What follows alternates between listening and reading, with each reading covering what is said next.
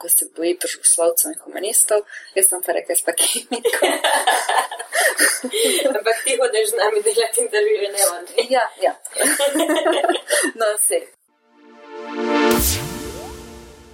Pozdravljeni, moje ime je Ana Slavec in to je 52. epizoda Meta Podcast. Ker se že dolgo časa nismo slišali, bo to malo daljši uvod, v katerem bom omenila knjigo in okroglo mizo, ki smo jo organizirali prejšnji mesec.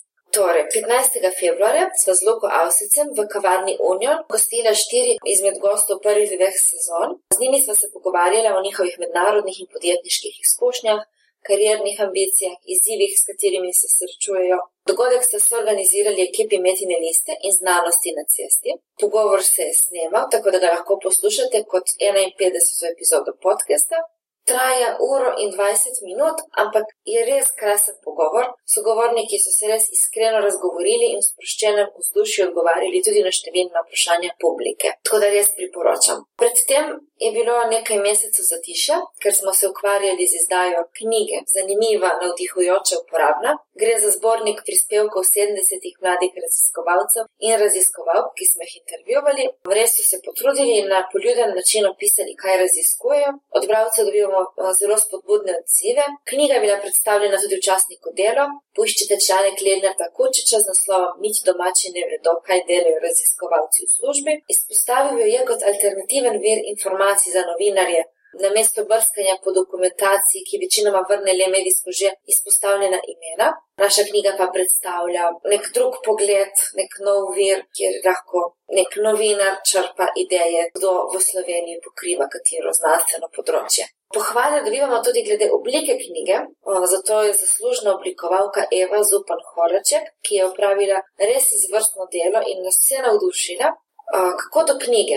Gre za brezplačno publikacijo, ki jo podarjamo podpornikom znanstvenih vsebin na metini listi. Dobite jo, če nas podprete z donacijo 29 evrov. V teh 29 evrov je vključena tudi poštnina. Dovolj uvoda, čas je, da vam predstavim gostjo 52. epizode. To je mikrobiologinja Tina Lebar, raziskovalka na Kemijskem inštitutu. Tina, pozdravljena. Ja. Delaš na odseku za sintezno biologijo in, in, in imunologijo. Lahko poveš, kaj pomeni sintezna biologija, s čim se ukvarjate tu?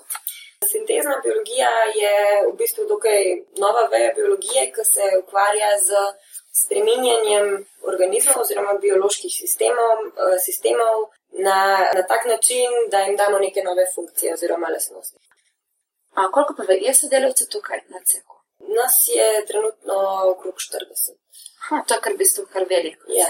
Imunologija, kako je s tem povezano? V bistvu lahko uporabljamo sintezno biologijo za imunološke namene, imamo pa tudi v naši skupini tri take ločene veje. Ena je sintezna biologija, s čimer se ukvarjam jaz, druga je imunologija posebej ločena od tega, uh, s čimer se v bistvu ta, ta odsek um, ukvarjal na začetku. Na, Samo s tem, pol je pa nekako prišla sintezna biologija sem noter. Um, tretja veja, ki jo imamo pri nas, je pa še bionanotehnologija, ki se v bistvu ukvarja s proteinskim inženiringom. Uh -huh. Sama si mikrobiologinja, tako si v bistvu z mikrobiologije se našla tukaj na Kemijskem inštitutu. V bistvu sem se leta 2010 se prijavila na eno študentsko tekmovanje, ki se mu reče IGM. To je študentsko tekmovanje iz sintezne biologije, v bistvu svetovno tekmovanje, mednarodno. In to tako tekmovanje, da noter pridejo poštev študenti iz vseh možnih smeri. Ker sintezna biologija načeloma zelo interdisciplinarna veda, ne? recimo tudi računalničari, pa elektrotehniki in podobno. Ne? Tako da se prijavi veliko različnih študentov in jaz sem bila takrat potem sprejeta v ekipo in v bistvu potem me je to tako navdušilo, da sem ostala tukaj. Če jaz prevzamem to sintezno biologijo, gre za to, da se pač uporabo kemije sintetizira. Biologije biologije, pač, Ja. okay, da se sintetizira nove organizme. Nekako tako, ja. In da včasih so, je bilo to samo za neka pač zelo preprosta bitja, enoceličarja. Zdaj, v bistvu, to, kar, to, kar raziskujete, pa je to za tudi, ne vem, neke bolj kompleksne organizme, tudi sesalce. Tako, v bistvu pač, um, kar se tega tiče, ne, um, ni, ni zdaj pač sam to, da je ta kompleksnost prešla na više organizme, pa to včasih so bile tudi metode in tehnike, niso bile tako dobro še razvite. Zdaj, v zadnjih letih je šla pa ta tehnologija, recimo rekombinantne DNK, sinteze DNK in tako naprej, je šla tako delač, da je vse že tudi tako poceni in lahko dostopno, da se da že sam z neko sintezo, pa z nosom tega v, v celice narediti ful kompleksne stvari. Tudi recimo metode gojenja bakterij in pač njihove, njihovega spreminjanja so bile včasih ničkom bolj razvite, k, recimo za sesalske celice. Tako da se je, ne vem, recimo pred desetimi in dvajsetimi leti delali sintezno biologijo večinoma v bakterijah, zdaj pa se zadnja leta začeli tudi na sesalskih celicah delati, ampak to je treba vedeti, da to so tkivne kulture, ne, da to še vedno v bistvu ni. Mislim, je seveda veliko bolj uporabno potem za neko celično terapijo. To je neko pač mrtvo tkivo? Ne? ne, to so v bistvu rakave celice. Pač to so žive celice, ki se Tako, recimo, ja, pač neke tumorske celice, ki so recimo uporabili, ne vem, 40 let, da se na njih dela eksperimente. Mhm. Ampak ni pa nujno, mislim, seveda za končno aplikacijo ne bi bile to tumorske celice. Pač mhm. bi imeli recimo primarne celice, ki jih vzameš iz pacijenta, jih naložiš in jih spremeniš. Kako se temu že reče, tisto strokovno, ko vem, da nekaj je ex vivo in kako se temu reče? To je v bistvu in vitro. In vitro, ja, ja. Kar pomeni v bistvu v epruveti. Aha, ah, okay. nekako tako, mislim, ni, ni, ni dela moj epruvete, ampak pač flaška ali pa ne vem, ploščica. Uh -huh, uh -huh. Tako, pač, in, tako se reče. Ja. Lani sem eno, ki je delala na nekih kivih uh mhm. -huh. in je imela prašiče v šesa. In... Ja, to pa že ničem bolj napredno. ja, vi si na fakulteti za elektrotehniko, tam, ko delajo, to je, eh, je ta ekstra. Elektroporacija. Elektroporacija, ja, ja. To, to, to, to je v bistvu ta standardna metoda, ki se uporablja za celicah, ne, ampak jaz. Je to zdaj mislim čist nekaj drugega, ne, nima povezave s tem. Da, je metoda, ki jo uporabljamo tudi tukaj, ne, ampak mi delamo na, na celičnih kulturah, tkivo je pa nekaj drugega, ne, da imaš ti prav nek mhm. organ, pa pač daš to noter. Je pa to, ki je povezano tudi z genskim inženiringom? To je genski. To je v bistvu genski inženiring. Um, tako sintezna biologija načeloma upravljajo, da mislim, Sintezna biologija ima ene 50 definicij, po mojem, ker to je relativno nova veda, ampak polka pogledaš na internet, ko malo pogublaš vse skupaj, dejansko ti vrže ven milijardo teh stvari. Zdaj, ena taka ful priljubljena je, da je to v bistvu genski inženiring na steroidih. Zato, ker genski inženiring tukaj se gre bolj za to, da mislim, genski inženiring v tistem pravem, prvem pomenu besede, ki se je pač uporabljalo, je bilo, da so recimo eno bakterijo spravili en gen za nek protein in so ga tam sproducirali, ne, je bil že to genski inženiring. Tukaj pa spravljamo noter ful različnih genov, ki interagirajo med sabo in pa tako v bistvu naredimo nekaj. Torej, v bistvu klasično radi se to pač temu rekel, da samo pač en gen spremeniš, tukaj pa se gre za bolj kompleks, več sprememb. Količinsko več ali v bistvu vnos več različnih genov, ki med sabo interagirajo in se tako pol ustvari nek umeten sistem. Pač zdaj, če imaš ti sam en protein, ki ga pol želiš ven izolirati, pa uporabiti za terapijo, pač to je tisto, kar je bilo v 70-ih letih kot mhm. genski inženirji. Tukaj je pa zdaj tako, da prav delamo celice, ki ne sproducirajo enega proteina, ampak sproducirajo enega. Pa ta druga, ki pol interagirata skupaj, da povzročita tretjo spremembo, mhm. ki se pol še nekaj zgodi in tako naprej. Okay. Uh, to me še zanima. Pač jaz, ko slišim genski inženirji, se spomnim, ne vem, na, te, ne vem, na neko koruzo, žito pač te polščine. To v bistvu se pa uporablja ne na primeru nekega pač kmetijstva, agrikulture, ampak na področju medicine, če sem prav razumela. Ali nekako temeljno in se uporablja posod. No, a to, kar jaz delam? Ja. Mislim, načeloma mi delamo platforme. Ne? To bi bilo uporabno za, za različne aplikacije, recimo pač v biomedicini, kot pač za zdravljenje, da imaš ti neke celice, ki jih recimo zapreš v neke kapsule, pa jih daš v pacijenta in potem bojo one tam lokalno delali neke, neko kompleksno zadevo. Ne? Recimo, in daš eno zdravilo, pa bojo, de, oziroma jim daš en antibiotik ali pa pač posvetiš na njih z eno lučko, pa bojo naredili neko zdravilo, pa pa kar posvetiš z drugo lučko, bojo preklopile, pa bojo začele delati drugo zdravilo, točno takrat, ko jim ti to reče rečeš. Ne. Ali pa recimo uporabno za diagnostiko, pač da bi imel v provetki ne, pač celice, pa bi jim dal, ne vem, recimo kri od pacijenta, pa bi one pa sam posvetle takrat, ko bi bilo to, ne, tako bi recimo bil pač. Mogoče tudi malo cenejš, pa to, zdaj sicer pa že zna pamet, ne vem, kako to nastane. Ja, no, se sem tako približno. Ja, je pa tudi, recimo, ali pa za biosenzorje v naravi, da bi imel bakterije, ki lahko zaznavajo več različnih spojin in sam takrat, ko da pač sta ne vem, dve prisotne bi one zasvetle in bi nam povedale, ne pač, aha, tukaj zdaj neki neštima, zdaj moramo nekaj narediti. Ali pa bi že one same sproducirale, ne vem, nek, nek encim, ki bi nekaj razgradil. V disertaciji pa se ukvarjaš s pripravo sintetičnih transkripcijskih regular, regulatornih elementov tal efektorjev. Zdaj pač tako kemija res pač ni moje področje, tako da te bom prosila za razlago, kaj to sploh pomeni, kaj so te transkripcijski regulatorni elementi. V bistvu tale faktori so transkripcijski faktori, to so proteini, ki se vežejo na DNK in uravnavajo izražanje genov. Tale faktori so posebni v tem, da jih je mogoče načrtovati za vezavo na katerokoli DNK vezavno zaporedje, medtem ko če imamo nek naravni transkripcijski faktor, recimo bakterijski, ima on že vnaprej določeno vezavno mesto. Tale faktori so pa modularni, zaradi tega lahko te module malo prekombiniramo med sabo in naredimo tazga, da se veže kamorkoli. Prebrala sem povzetek te tvoje um, disertacije, ki jo pripravljaš, pa mi je bilo zanimivo, kako nekako izrazoslovje, omenjaš logična vrata, um, neka stikala, nekako spominja se to na elektrotehniko, je to kakšna povezava. Prav direktne povezave tukaj ni, je samo nekakšna analogija z elektroniko, ker um, nekako ta logična oziroma pač ta, ta omrežja iz transkripcijskih faktorjev v celicah delujejo nekako na podoben način kot recimo logična vrata ali pa stikala v računalnik. To pomeni, da imajo neke vhode, ki so lahko recimo, ne vem, fizikalni signali, naprimer svetloba ali pa kemijske, kemijske spojine, recimo antibiotiki. Medtem, ko je to v elektro, elektroniki, so te vhodi v bistvu tok ali pa napetost. Imajo logična vezja tudi nek izhod, ki recimo v elektroniki je lahko žarnica, ki zasveti ali pa v računalnikih mu damo nek ukaz, pa bo on nekaj naredil. Tukaj je pa to recimo neko zdravilo. Vezje je pa načeloma malo drugače sestavljeno, ne njih iz nekih konduktorjev, semikonduktorjev in podobnih stvari, ampak iz teh transkripcijskih faktorjev, ki se jaz ukvarjam. Aha, ena stvar, ki se mi je bila zanimiva, biološki spomin. Uh mhm. -huh.